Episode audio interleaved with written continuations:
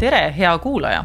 tänases saates räägime peamiselt õpetaja rolli muutumisest ajas, arutleme, kuidas ennast õpetajana värskena hoida, kuidas ennast arendada ja kuidas arendada ka noortes mitte ainult teadmisi, vaid ka eluoskuseid. selleks on meil külas Audentes ajalooõpetaja Pille Rohtla, kes jagab avatult enda arenguteed õpetajana ning ka kuhjaga praktilisi soovitusi alustavatele õpetajatele. head kuulamist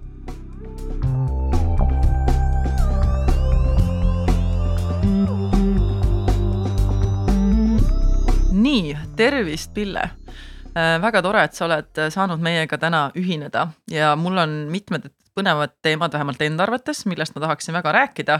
ja ma arvan, et sa oled selleks just õige inimene, nii et äh, hästi tore, et sa täna tulid meie juurde.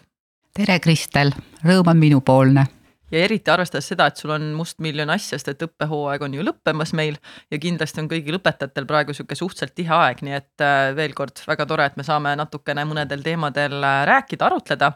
ja võib-olla sissejuhatuseks lihtsalt, kuna paljud inimesed sind äh, võib-olla kuulavad esimest korda, et äkki sa räägid pisut lihtsalt enda taustast, et kuidas sa siia jõudnud oled Audentesesse siis ja, ja natuke ka sellest, et mis sind üldse õpetajaametini viis kõigepealt ma ütlen seda, et äh, õpetajad on praegu äärmiselt populaarsed ja naudivad kuulsust siin viimastel juuni, äh, esimestel juunipäevadel, sest, äh, sest õppe, õpitulemused on praegu eriti populaarne teema. soo mm. -hmm. aga et Audentesesse jõudsin mina aastal kaks tuhat kaks, see on nüüd siis juba mõned aastad tagasi mm. -hmm. ja olen siia jäänud, sest siin on tore ja ise, kuidas mina õpetaja elukutse juurde jõudsin, et see oligi pikka aega nagu minu, minu selge arusaam, et mida ma teha tahan.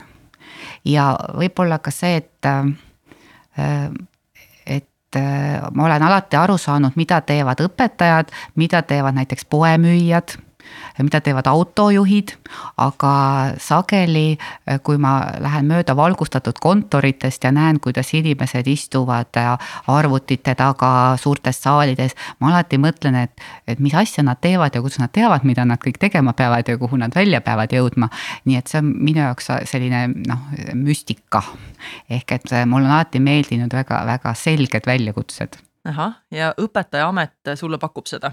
Jaa, see on hästi konkreetne, kuigi äh, oleme ka kolleegidega arutanud, et äh, kui sa hakkad septembris tööle ja juunikuus lõpetad, siis tegelikult ei jää kuhja maha, et sa näed, et ma olen nii palju teinud.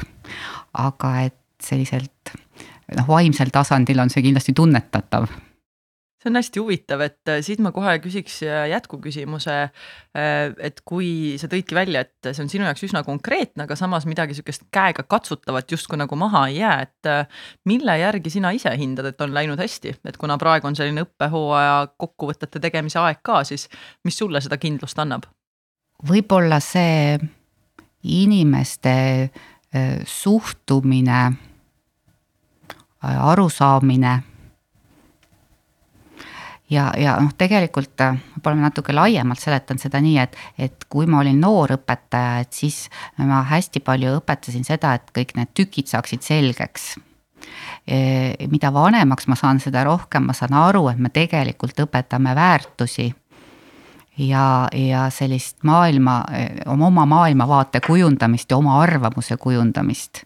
ja, ja tegelikult ma tunnengi, et kui aasta lõpus sa saad aru, et Äh, inimestel on omad mõtted, oma arvamused. Äh, samas nad on teistega arvestavad, tolerantsed ja head inimesed, et siis on nagu midagi korda läinud.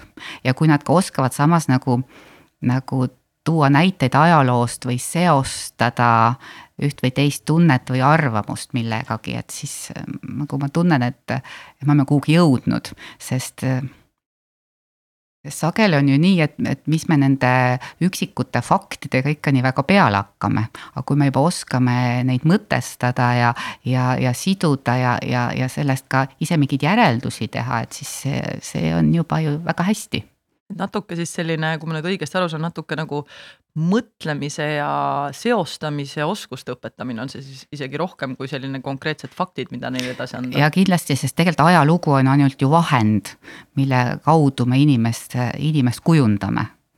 ja nagu paljud teised õppeained on ju nii-öelda vahendid, et meie eesmärk on ikkagi ju täisväärtuslik inimene, mitte et tal on kuskil riiulis valemid ja teises riiulis on faktid ja, ja kolmandas veel midagi muud et äh, nende, nende asjadega peab oskama midagi teha. ja, ja nagu ma ikka lastele ka ütlen, et keegi ei pea sind kunagi tänaval kinni või kuskil töökohas ei küsi, et äh, mis kell see oli või mis valem see on, vaid et mis sa oskad sellega teha, selle teadmisega, mis sul on. et rohkem peaks olema sellel siis sihuke praktiline väärtus ka, mida sa õpid ja omandad jah, aga praktiline väärtus, aga ka selline ajugümnastika ju tegelikult mm. -hmm. noh, sest samas on ju ka see, et sa suudad arutleda ja mõelda ainult nendes kategooriates, mis sul nagu kusagil ajus olemas on. ehk et muidu see tuleb lihtsalt üks lahmimine. ja seda on meil ühiskonnas natuke liiga palju, nii et loodame, et äh, saab äh, aidata kaasa sellele, et tuleks rohkem sellised läbimõeldumad äh, sõna, sõnaavaldused ja on ka neid, nii et see on ka ju tore. nii et kelle, kellelgi on olnud igal juhul väga õiged õpetajad, võib nii öelda. ja ilmselt nad on ise olnud väga usinad eks ta vist eh, koostöös käib. et ideaalis küll kindlasti mm -hmm. jah. aga tegelikult selle, sa mainisid ühe hästi huvitava asja, et mille juurde ma tahaks tulla tagasi, mis puudutab just sellist ähm, praktilisi nagu viise, kuidas siis sellist asja õpetada äh, ja kuidas seda siis lastele edasi anda. aga võtame alguses natuke võib-olla sellise laiema vaate enne ja siis lähme äh, süvitsi tagasi sinna, et kuidas siis see õpetamise protsess võiks üldse käia, et ta oleks selline, mis annab õpilastele sellist äh, oskust mõelda, oskust seoseid luua, kuidas ajalugu selleks kasutada saab, sest et see on ju sinu nii-öelda ekspertsus. aga lähme alguses natukene võib-olla laiema arutelu peale, et äh, kui mõelda meie haridusmaastiku peale üleüldse, Äh, siis äh, viimasel ajal on päris palju olnud äh, juttu igasugustest asjadest, mis vajaks parendamist ja kõrghariduse teema oli millalgi päris palju meedias pildis, et kuidas see kaotab oma väärtust vaikselt ja mis on selle ohukohad, kui ta seda kaotab. et viimati oli väga hästi Postimehes ka öeldud, et kõrghariduse tegelikult omandamisel on ka julgeoleku olulisus, nii et kui, kui nagu see panna kaalukausi, siis see võib kõlada antud hetkeolukorras päris tähtsana. nii et ähm, kui mõelda selle peale, et mis sinu arvates võiksid sellised peamised mm, arengusuunad just meie haridusmaastikul olla? Või mis sinu hinnangul on sellised võib-olla murekohad või ohukohad? Ehm, mina ütleks nagu hästi-hästi üldiselt, millest ma nagu ise alati lähtun, ehk et minu arvates ehm, peame me andma edasi igakülgse kogemuse, mis meil on, igakülgse kogemuse ja me peame, noh, on siis need kas siis faktid või äh, aruteluoskus, seal loogiline mõtlemine, mis iganes, et me peame andma kõik, mis meil on. ja teiseks me peame andma julguse äh, seda kõike ümber lükata ja edasi arendada. minu meelest need on kaks nagu peamist asja, mida nagu kool võiks anda inimesele, ehk siis me anname oma selle tausta, oma ajaloo, oma traditsioonid kõige laiemas mõttes ja, ja me kasvatame julge inimese, kes oskab ja tahab sellega minna edasi sellepärast, et meie võime ju siin täna mõelda, mis võiks tuleviku inimesel vaja minna. aga me ju tegelikult ei tea. ja, ja siis tegelikult me saamegi anda ju need nii-öelda nagu juhised, et ole julge muutma, eh, katsetama, proovima ja julge ka eksida, mis on minu meelest eh, ma ei saa öelda, kas siis Eesti ühiskonnas, vaid võib-olla Euroopas üldse, et, eh, et eksida ju ei tohi see on nii piinlik, ega ma ise ka ei julge.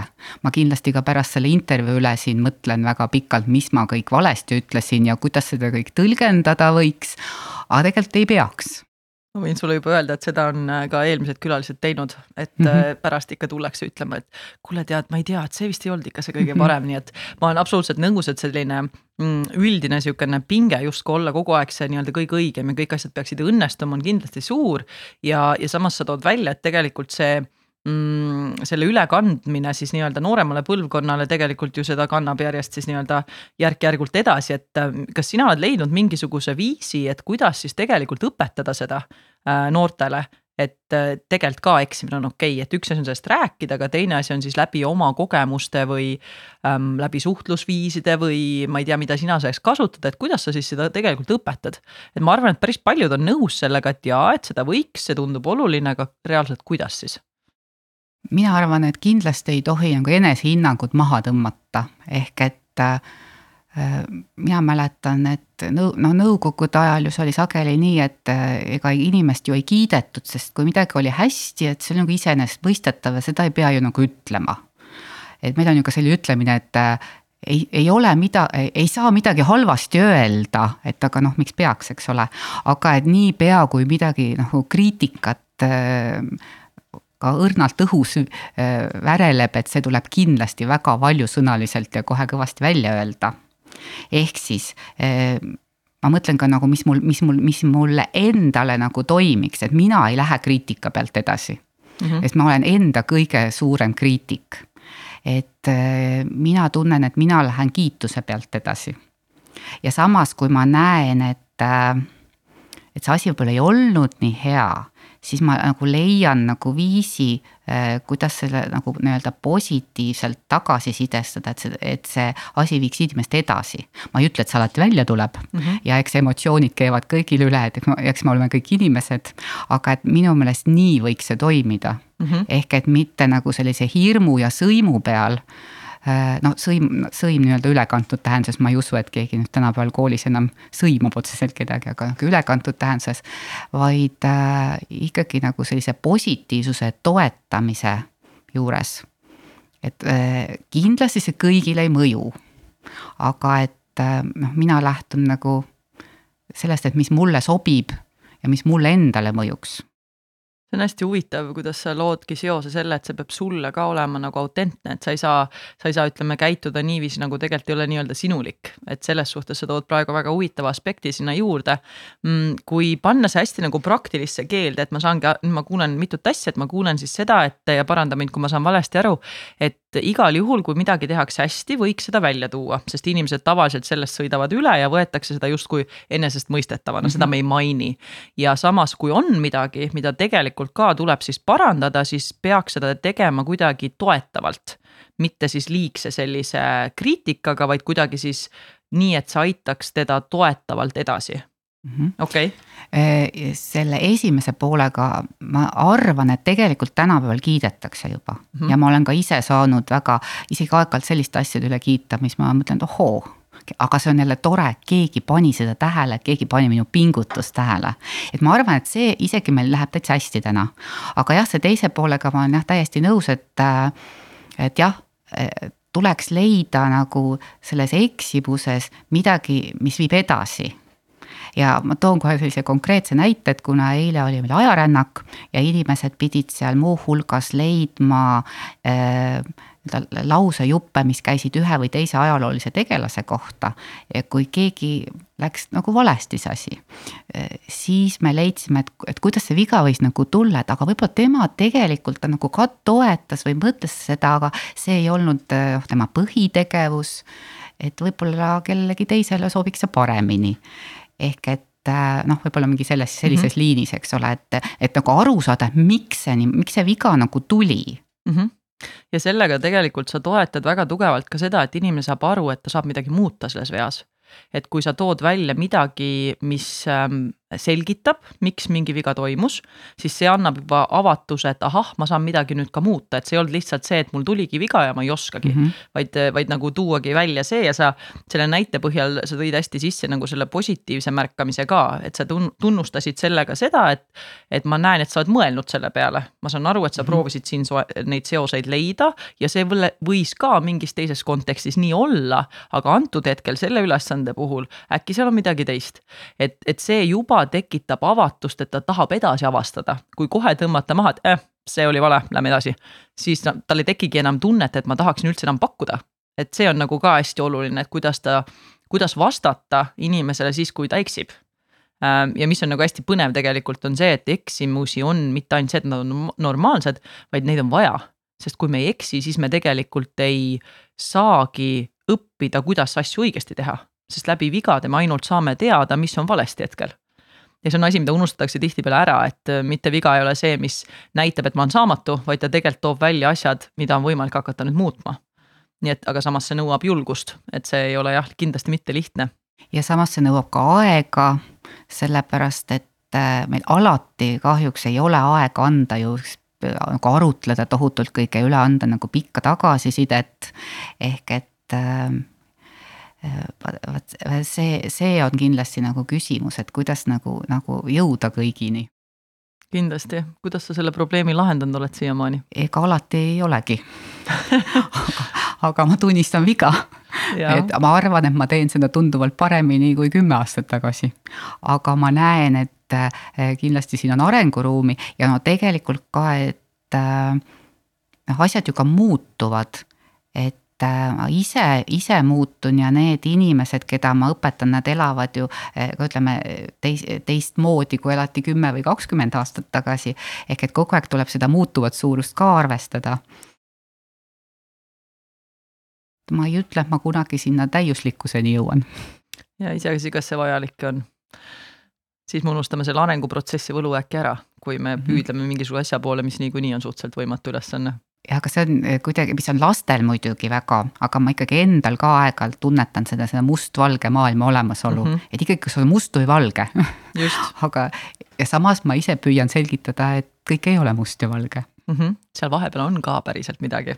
no nii nad räägivad jah. ja, ja see on, see on väga huvitav, et siin sa mainisid äh, ajarännaku teemat ka, et selle juurde tahaks kindlasti detailsemalt tagasi tulla aga kui proovida nagu, kui ma nüüd saan õigesti aru, et siis Eesti haridusmaastikul mõned asjad, mis võiksid olla paremini, on see, et me märkame õnnestumisi ja aitame noortel märgata õnnestumisi.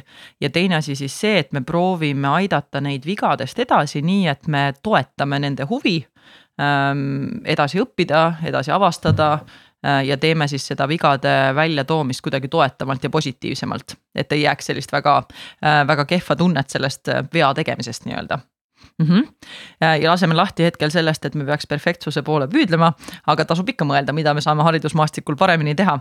Äh, kui mõelda natukene võib-olla haridusest laiemalt ka, et haridus on kindlasti väga oluliselt seoses ka kultuuriga. ja nagu sa mainisid, et tänapäeva maailm on väga palju muutumises, et noored muutuvad, nad ei ole enam samasugused, nagu nad olid enne.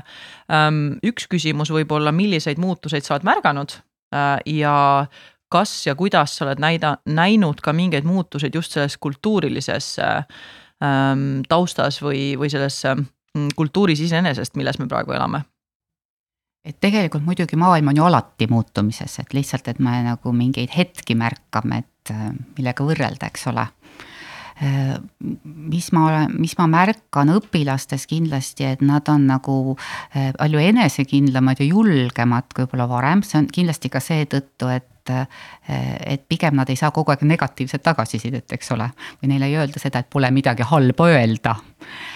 ja siis teiseks, et neile kogu see arvutimaailm ja telefonimaailm on tohutu kiire infovahetus, kus nad peavad organiseeruma ja et et võib-olla ei jõua alati järele neile. Siis muidugi nagu see, et et sellist vaba ja, ja avalikku diskussiooni nende vahel on palju vähem kui varem, et kui varem oli nii, et ja ka ma enda lapsepõlvest mäletan, et tulime klassi ja siis oli hästi, ennem tundi või pärast tundi hästi suur jutuvada ja arutelu. et siis nüüd sageli on nii, et, et klassis on kõik väga vagusad ennem tundi, sest kes veel piilub telefoni ja kes midagi saadab ja väga-väga vaikne on. ja, ja kooli töömees ühel päeval, kui ta tuli minu klassi ühesõnaga laudu tõstma, siis ta vaatas neid laudu ja ütles, et üldse enam laudade peale ei sodita. ja, ja siis ma tegelikult mõtlesin, jaa, et kuskil kümme aastat tagasi ma tegin tohutult vaeva, et uurida välja, kes sodis, miks sodis, kes puhtaks teeb. ja, ja, ja nüüd ma isegi, isegi ma ei mäleta enam. aga lihtsalt, et joonistatakse kuhugi mujale, eks ole mm. -hmm. et noh, sellised silmaga nähtavad asjad. teine asi, et noh, mina nimetan seda kadakaingluseks ehk et äh, väga palju on nagu jutu sisse sõlmitud sellist äh, noh, tõlkimatut inglise keelt. või siis seda, et õpilane ütleb mulle, et äh, inglise keeles sõnad, ma ei tea, kuidas see eesti keeles on. ja, või siis seda, et, et sa kuuled näiteks bussis, et noh, kaks inimest räägivad inglise keeles, noh selge. ja siis mingil hetkel sa saad aru, et nad mõlemad on eestlased tegelikult no see on huvitav, vot sihukest kogemust mul ei ole isegi olnud. et äh, mm, -hmm. See nagu laulva revolutsiooni läbielanuna tekitab kummastust, ütleme niimoodi. aga et ma saan ka aru, et äh, mitte nüüd ainult selle, selles kontekstis, aga, aga ma saan ka hästi palju aru, et eh, ega ma ei peagi kõigest enam aru saama. sellepärast, et äh, eks, eks minu minu ealised iseärasused on võib-olla vähe teistsugused, et see oleks ka suhteliselt kummaline, et kui ma peaks ennast üleval nagu kümne või viieteistaastane, eks ole see võiks tõesti päris põnev välja näha äh,. aga kui, kui mõeldagi nende muutuste peale, mis sa kirjeldasid ja sa enne tõid välja, et tegelikult hästi oluline on see, et õpetaja suudaks edasi anda seda, et nad oskavad mõelda, arvamust avaldada, nad oleksid julged eksima, vigu tegema, mm, seoseid looma, kõike seda, et kas see, mis sa kirjeldasid näiteks, mis toimub enne klassiga alustamist või tunniga alustamist, et kas sa märkad ka muutuseid selles ähm, õppeprotsessis ja mida sina õpetajana pead siis tegema teisiti, selleks et ikkagi anda neid oskuseid edasi ja et äh, need, kes on tänapäeval siis natuke teistmoodi noored, et nemad ka läheksid ära koolist nii, et nad oskavad seoseid luua kaasa mõelda, julgelt arvamust avaldada mm,, seostada äh, mingisuguseid enda teadmisi ühiseks tervikuks äh,, argumenteerida nendel teemadel. kuidas ja kas sa oled pidanud midagi seal ise siis avastama, muutma võrreldes sellega, kuidas see varem oli? Kui seesamale ajarännak korraks sisse tuua, siis vot sealt ma märkasin esimest korda sellist asja, et, et kui me hakkasime kaks tuhat kaksteist ajarännakut tegema, siis lastele hästi meeldis esialgu see, et nad said vaadata, mida nii-öelda peategelased tege-, teevad. äkki Aga... ma korraks lihtsalt segan, äkki me räägime ära, mis see ajarännak on? muidu lihtsalt inimestel on raske kuulata, sest nad ei saa aru, mis see põnev asi on mm, -hmm. nii et see jutulõng jätame selle meelde mm -hmm. ja kirjelda lühidalt, mis see ajarännak on, siis äh, inimesed oskavad kaasa mõelda okei okay,, et ajarännak on siis selline äh, ajaloo ja tegelikult ka kõike muid lõimiv äh, õppemeetod, kus minnakse tagasi mingisse konkreetsesse ajahetke hästi konkreetsesse, mitte nii, et lihtsalt aasta kaks tuhat seitseteist, eks ole, vaid konkreetne, näiteks viies september kaks tuhat seitseteist, Audentese kool. ja püütakse siis läbi mängida see ajahetk võimalikult täpselt. nagu näidendina? Äh, mitte, ütleme nii, et äh, me jah, peaosalistel on stsenaarium mm, -hmm. aga, aga äh, nii-öelda need, kes, need, kellele see tehakse, need nagu täpselt ei tea või ütleme mm. niimoodi, et nad, et see on nagu koolipäev, et sa tead, et sa lähed kooli ja sul on sellised tunnid, aga sa ei tea ju täpselt, mis seal nagu juhtuma hakkab. et peategelased teavad täpsemalt. nii et ühesõnaga mängitakse läbi siis äh, üks ajahetk ja äh, tegelikult mitte lihtsalt äh, see ei ole nagu läbimängimine, vaid püütakse leida probleemidele lahendusi seal, et näiteks, et kui meil on äh, täna mingi probleem, mis meid vaevab, et kas selline asi oli olemas ka äh, selles ajaloolises hetkes ja kuidas nemad sellele lahenduse mm. leidsid. ehk et seal peab kindlasti olema ka tänapäevaga seos mm -hmm. ja, ja selle pluss on muidugi ka see, et äh, seal kasutatakse kõiki meeli ehk siis mitte ainult vaatamist ja kuulamist, vaid seal on kompimine, lõhnad, maitsmine ja mis minu jaoks on hästi oluline, et see on kõigile jõukohane. Mm.. ehk et äh, kui mina koolis käisin ja olin laisk ja luhakas e, ja mina ei saanud ju olümpiaadile minna, noh, et olümpiaad on ju see, e, kus siis sellised äh, huvilised saavad oma huvi nagu rakendada ja laiendada ja premeeritud saada. Äh, siis ajarännak on see, mis on kõigile jõukohane, ehk et kes on seal sellised väga akadeemilised noored, saavad tausta uurida, stsenaariumit, mis iganes luua, eks ole. ja, ja ja kes võib-olla tunneb, et tal nagu seda ei ole, ta võib-olla on väga hea äh, nagu kehastuja sinna, sinna juurde. ja, ja sageli ajarännakust tulevad välja inimese sellised äh, jooned, mille olemasolust ta isegi polnud teadlik. Mm.. ja jah, kõik saavad, absoluutselt kõik saavad positiivse kogemuse. Ja samas, kui see on sul nagu kehaliselt läbi mängitud, siis on ikka üsna suur tõenäosus, et midagi sinusse jääb see on absoluutselt loogiline. ja, ma kohe probleemi näite toon ka, et äh, meie esimene üle-eestiline ajarännak, kus siis osalesid äh, koolid, muuseumid äh, üle kogu Eesti ja sellega me tegime ka maailmarekordi. ehk siis ühel ajahetkel osales kaheksa tuhat kolmsada õpilast, õpetajat, muuseumitöötajat rännakul ja loomulikult tuhat üheksasada kaheksateist oli see ajahetk ja me lõime Eesti Vabariigi. ja, ja meil tol, tollel ajarännakul oli väga suur arutelupunkt see, et mis vabadus meile tegelikult tähendab ja mida keegi kujutab, kui talle öeldakse sõna vabadus. ja, ja siis, et aga mis see vabadus meile täna tähendab ja millised sarnased ja sarnased ja erinevad jooned tolle aja ja tänapäeva vahel võiksid siis olla. Ehk see vabadus kui niisugune. et, et, et leidis seal siis lahendust ja see on väga huvitav protsess, ma just mõtlen, et ma ise tahaks nüüd mõnes kindlasti kuskil osaleda.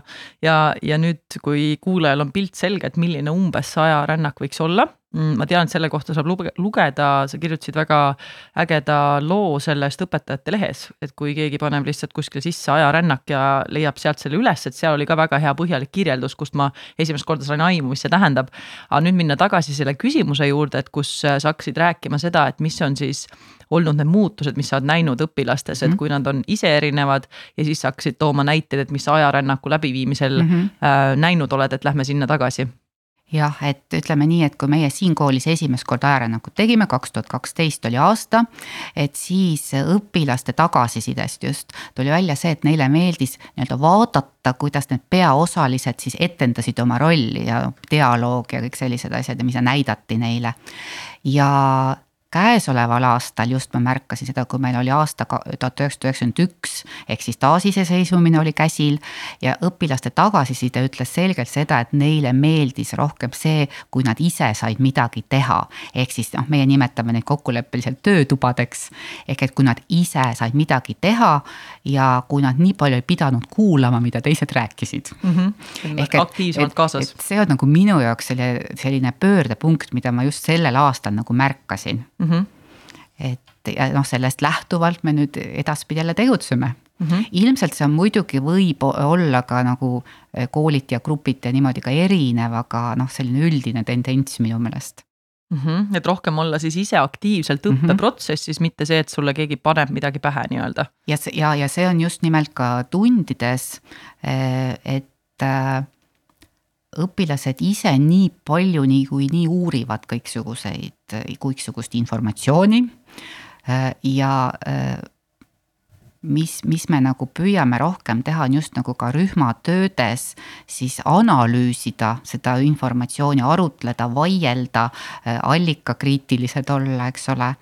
ehk et ma püüan neid rohkem ka suunata omavahel suhtlema, võtteid valjusti välja ütlema kuulama ära ja oma arvamust avaldama. Ehk et ja, ja muidugi äh, rühmatöid, igasuguseid esitlusi, hästi palju tehakse tänapäeval arvuti vahendusel on hästi palju ägedaid programme. aga et äh, viimasel ajal ma olen just nautinud seda, et me võtamegi selle hästi suure paberi ja siis me paneme sinna oma isikliku käega igast asju kirja ja pildid juurde ja, ja siis need lähevad ka pärast seintele ja noh, siis sealt saab nagu väga mitmekihiliselt jälle neid ka nagu teised õpilased seda analüüsida, et ma, ma ei tea, ma pärast neid kahte distantsõppe aastat ma nagu täiesti naudin seda paberi peale asjade värviliselt tegemist, et mulle aeg-ajalt tundub, et õpilased ka. Ma usun ka ja eriti, kui nad enamus ajast ei tee seda, et enamus ajast nad ju noh, tarbivad mingisugust asja või nad toksivad äh, arvutisse midagi, et äh, kindlasti see käega läbi tegemine on hoopis äh, loomingulisem ja võib ka lõbusam olla. kui nende asjade niimoodi tõks, tõks, tõks, tõks, tõks toksimine ja, või valmisolevate piltide valimine, noh selle asemel, et nii-öelda ise siis joonistada, et väga kihvt, et see, see kõlab natukene minevat kokku ka selle nii-öelda kaasava õppimise lähenemisega. et mida ka ju tänapäeval rohkem nagu tuuakse välja sellest konstruktivistlikust lähenemisest tulenevalt, et äh, õpe võikski olla rohkem selline, kus õpilane ise on rohkem kaasatud, ta on ise aktiivne teadmiste omandamisel, mitte see, et ta kuulab õpetajat ja õpetaja nii-öelda passiivselt annab need teadmised talle pähe, istutab sinna.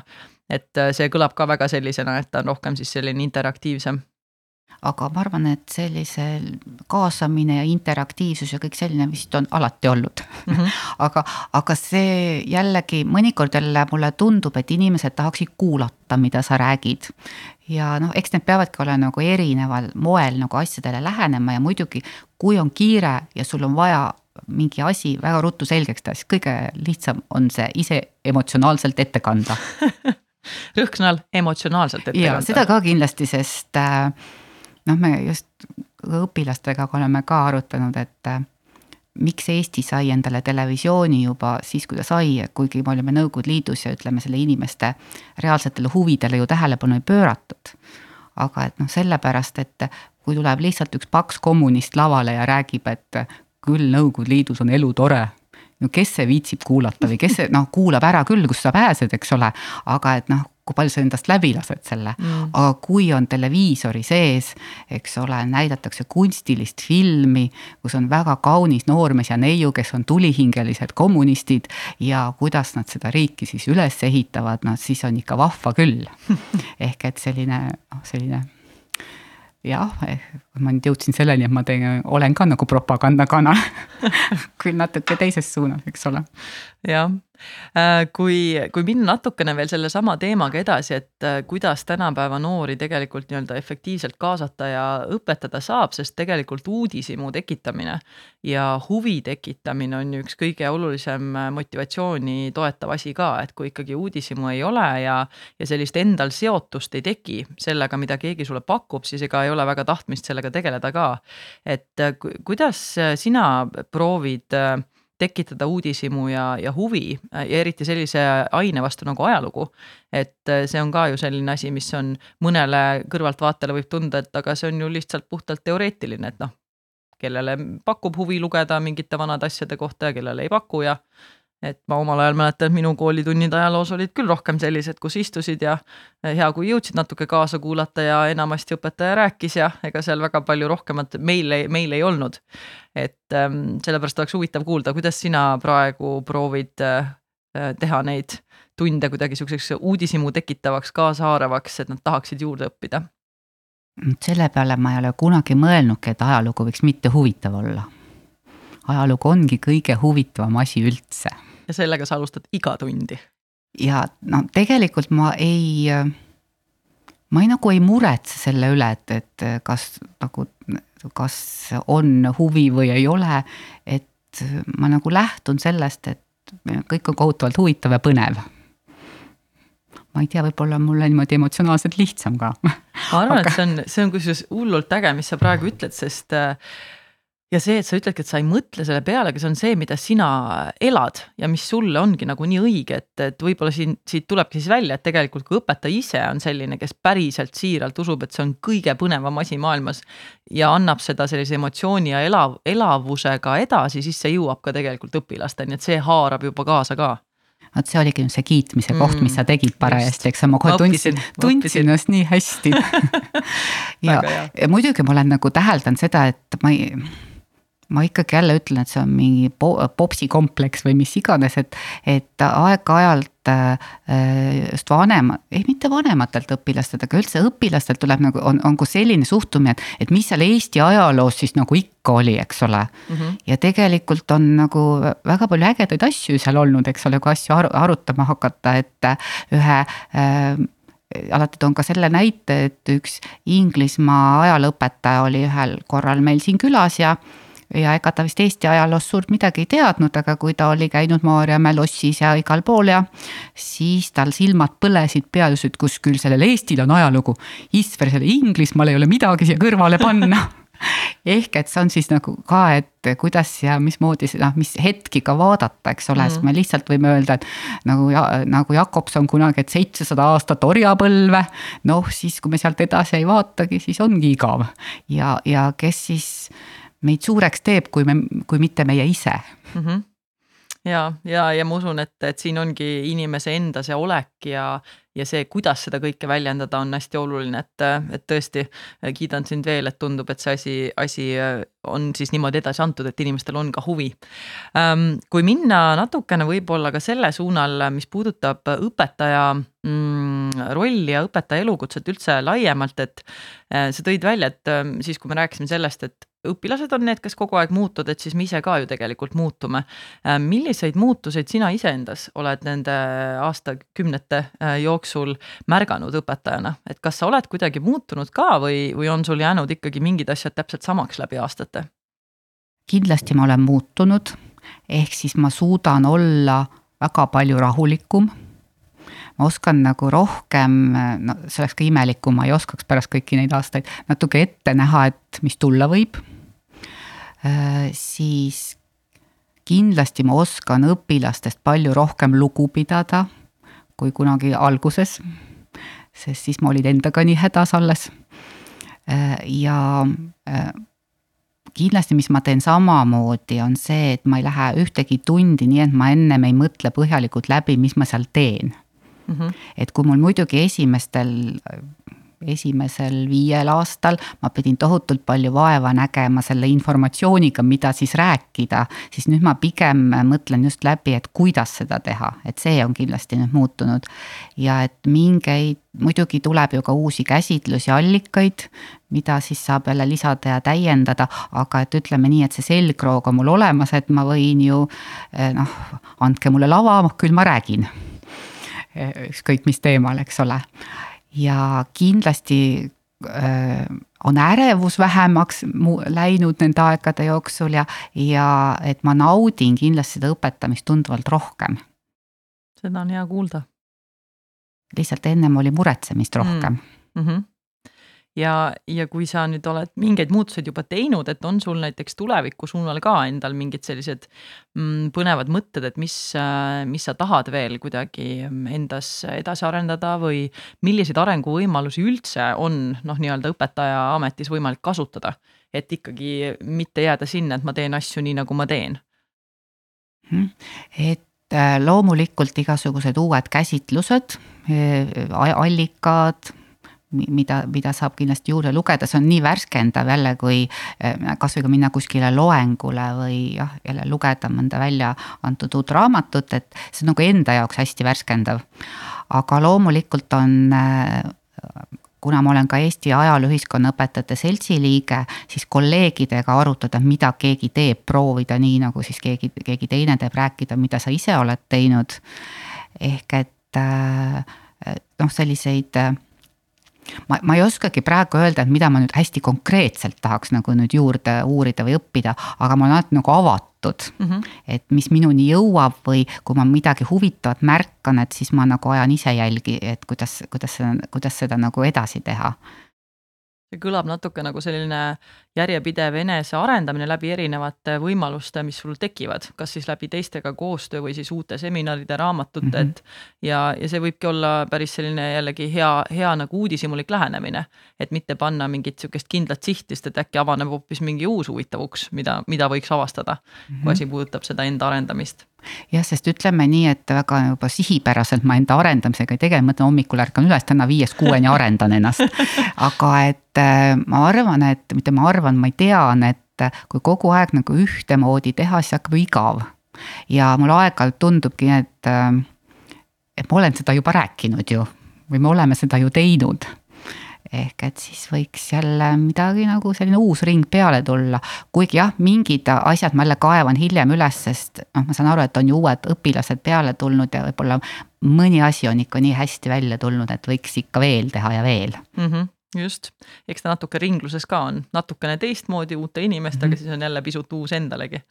okei okay., äh, kas, kuna arenguvõimalused käivad ju ikkagi ähm, koos tegelikult ka sellega, kui palju üldse on võimalik mingeid arenguvõimalusi kasutada.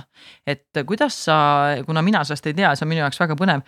Mm, kuidas sa hindad seda, et palju Eestis õpetajatel on äh, selliseid väljundeid, kust nagu avastada mingeid uusi asju. et see on väga huvitav oleks teada, et mida seal äh, valdkonnas nii-öelda siis pakutakse ja kas seal oleks midagi, mida võiks olla rohkem näiteks. et õpetajatel oleks üldse võimalusi, mida kasutada selleks, et ennast arendada. Tegelikult on nii, et Äh, kui jälgida seda äh, mailbox'i, mis, mis tuleb minuni, äh, ma ei tea, erinevatest haridusasutustest, ajalooõpetajate seltsist, muuseumitest, ehk tegelikult ma võiks aasta ära niimoodi sisustada, et ma tunde ei teegi, vaid käin erinevatel koolitustel, uurin, uurin erinevaid, käin erinevatel üritustel, kus kutsutakse. ehk et, et no aga see on nagu seinast seina, et kui sealt hakata nagu valima, et kindlasti igaüks leiab midagi. ja samas mina arvan ikka seda ka, et kui sa ei leia, siis võid ise algatada või ise teha see on hea mõte. et noh, see on ka see, et miks ma selle ajarännaku tõin nagu noh äh, laiemalt Eestis, sest mind ennast see huvitas ja, ja ma nagu tundsin ennast õpilasena, see, et mulle oleks see väga palju sobinud ja nüüd ma näen, et tegelikult üle Eesti on väga palju ägedaid õpetajaid, kes seda teevad ja äh, mitte ainult õpilastega, vaid teiste õpetajatega. näiteks Kilingi-Nõmme koolis oleme teinud õpetajatele ajarännakut, kus nad tõsiselt nautisid ja see oli nagu nii autentne, et äh, et nad on, ma saan aru, seda veelgi teinud. oi, tore. Ja jällegi saavad kogemuse kätte, et see on tegelikult äh, mõnus kogemus sees olla läbi ise selle läbitegemise, siis ongi avatus selleks ka, et annaks äkki edasi või prooviks ise ka seda kuidagi teha, hästi Just. tore, jaa. Nii et ühesõnaga, kui olla ise aktiivne, olla ühenduses mingite erinevate meililistidega, äh, uurida ise rohkem või algatada ise, et siis tegelikult neid võimalusi on täitsa piisavalt kindlasti. loodame, et nüüd kõik õpetajad ei hakka ainult sellega tegelema ja ei õpeta enam klassiruumidest, et seda on meil ka väga vaja, nii et mm. -hmm. aga võib-olla lihtsalt ma olen ka nii rumal, et ma ei oska väga peeneid asju tahta seda, mm. seda ju räägitakse, et tegelikult kui mõelda, see on küll kõrvalepõige, aga ma mainin ikkagist, et see läheb natuke sellega kokku. et, äh, et on ju tehtud neid igasuguseid neid äh, heaolu uuringuid, noh, et millises riigis ollakse siis kõige rohkem endaga rahul ja siis hästi tihti domineerivad seal Skandinaavia riigid. ja siis ma mäletan, keegi just peegeldas mingisugust hilisemat uuringut, täpselt nüüd aastat ja ajakirja ei mäleta. aga seal oligi välja toodud, et, et noh, et soomlastelt küsiti ka, et kuidas te siis nagu nii õnnelikud olete ja siis mõeldi tükk aega ja öeldigi, et no ma arvan, et meil on lihtsalt see teema, et meie ootused on õnnelikkusele päris madalal ja, ja see oli tegelikult päris hea vastus, et sõltubki sellest, et kui, kui kõrgele sa paned need ootused ja siis tegelikult on sul ka eh, sellest, sellest lähtuvalt siis kas suurem või vähem tõenäosus seda kogeda mm. -hmm. et mhm. see läheb natuke sellega kokku. aga sama, samas jälle noh, kuna ajarännakutes on eriti, eriti aktiivsed on ju rootslased ja soomlased, see ongi Rootsis välja mõeldud. Eh, ja nemad on ju väga tolerantsed ja arvestavad ja et kui ma ajarännakute konverentsil ja pidasin inglise keeles kõnet, ma igaks juhuks ütlen, ma inglise keelt ei oska ja ma ütlesin selle esimesel peaaegu lausena, et see on minu esimene avalik kõne inglise keeles, siis üle saali käis mm. ja, ja, ja, ja samas äh, noh ma näen, et kuidas seal alati nagu kuulatakse, arutatakse, kõiki arvamust küsitakse, et noh, seal lihtsalt inimesed ilmselt tunnevadki, et nad on nagu väga olulised mm. -hmm, kindlasti kui äh, nüüd me peame lihtsalt hakkama vaikselt nagu ähm, asju, asju kokkupoole tõmbama äh,. aga ma tahtsin seda just välja tuua, et ähm, täna, kui ma olen sinuga rääkinud, siis sinust nagu kiirgab hästi palju mitte ainult seda, et sa teed seda, mis sulle tõesti väga meeldib teha, ma tajun seda kogu aeg. ja, ja teine asi, sa oled hästi teadlik sellest, et sa nagu seostad asju, mida sa edasi annad ka iseendaga, sa oled toonud välja, et kuidas mm, sa tajud, et see sind toetaks, siis sa proovid ise niimoodi õpetada. siis see ajarännak, et sa tundsid, et see oleks sind kunagi õudselt aidanud või sulle oleks see meeldinud, kui sa ise õpilane olid, siis sa proovisid seda praktiseerida, et. et sul see endaga ühendus ja see eneseteadlikkus tundub olevat nagu väga heas kohas. kui nüüd mõelda selle peale, et meil on alustavad õpetajad Äh, ja loodetavasti neid tuleb ainult juurde, sest meil on neid väga vaja. Äh, mida sina soovitaksid alustavatele õpetajatele, et mis on mõned asjad, mida sa oma kogemuste pealt saaksid neile soovitada, edasi anda, sa oled mitmeid praktilisi asju juba välja toonud, aga kui proovida see kokku võtta, et äh, millised oleks mõned sellised ähm, näpunäited või, või mingid suunad, tegevused, praktikad, mida võiksid nemad kasutada, kui nad alustavad alles õpetaja teed kindlasti ma soovitan neile, et, et rääkida oma muredest ja mitte jääda üksi. ja vot täpselt neil ka see, et võibki eksida ja kõik ei pea tulema kohe välja. ja kui lapsed ei kuula alguses sind või, või klassis on mingi nihelemine asi, et see on täiesti normaalne et äh, ja, ja lisaks sellele, et et nagu mulle kunagi Audentese eh, erakooli õppejuht ütles, kui ma tulin siia tööle, et eh, kolm esimest aastat ongi väga rasked. pärast, pärast seda läheb kergemaks ja, ja ma tean, et, et ma olin seal kuskil siis ühe aasta olin siin olnud ja siis mul, ma tundsin, kuidas nagu koorem langeb mu seljas, ma ütlesin, jess, kahe aasta pärast läheb lihtsamaks ja tõesti läkski. ehk et see, kõik see akadeemilisuse pool ja, ja kõik see harjumine, kõik läheb nagu paika, andekamatel inimestel ilmselt rutem. ja, ja kindlasti ei tohi jääda üksi ja arvata, et see asi, mis, mis minul tunnis on või mis minuga juhtub, et see ongi nagu ainukordne ja, ja, ja ma olen ise vilets, et see sellepärast niimoodi juhtub, et tuleb arutada, rääkida, nõu küsida. ja, ja lihtsalt see akadeemiline pool alguses võib-olla ongi keeruline ja väsitav aga see läheb üle. ja siis on väga tore. ja siin. ja, ja ärge unustage, noored õpetajad, juuni, juuli, august tuletada meelde lihtsalt, et need on ka mingil määral siuksed toredad kuud. ja, ja kus saab siis ressursse laadida ja sellega võib-olla olekski tegelikult tore lõpetada, mida sina teed? see, et juuni, juuli, august, seda kasutada tõesti selleks, et sa saaksid sedasama head energiat tuua ka järgmine aasta, aasta siia meie juurde. tsiteerides klassikuid, kolm nädalat istun kiiktoolis, neljandal hakkan kiigutama sellega on nii hea lõpetada. Äh, taaskord suured-suured tänud, äh, Pille, et sa võtsid aega meiega rääkida. minul oli väga huvitav ja mitu mõttelõnga ka tulevikuks sain endaga kaasa, mida võiks veel äh, arutada. ja igal juhul aitäh ka kuulajatele, et te mõtlesite kaasa meiega, loodetavasti saate siit midagi kasulikku kaasa ja andke meile ikkagi tagasisidet kirjutage meile podcast at audentes.ee ja jälgige meie tegemisi ka audentes.ee leheküljel. nii et seal saate meie tegemistega kursis hoida, aitäh. aitäh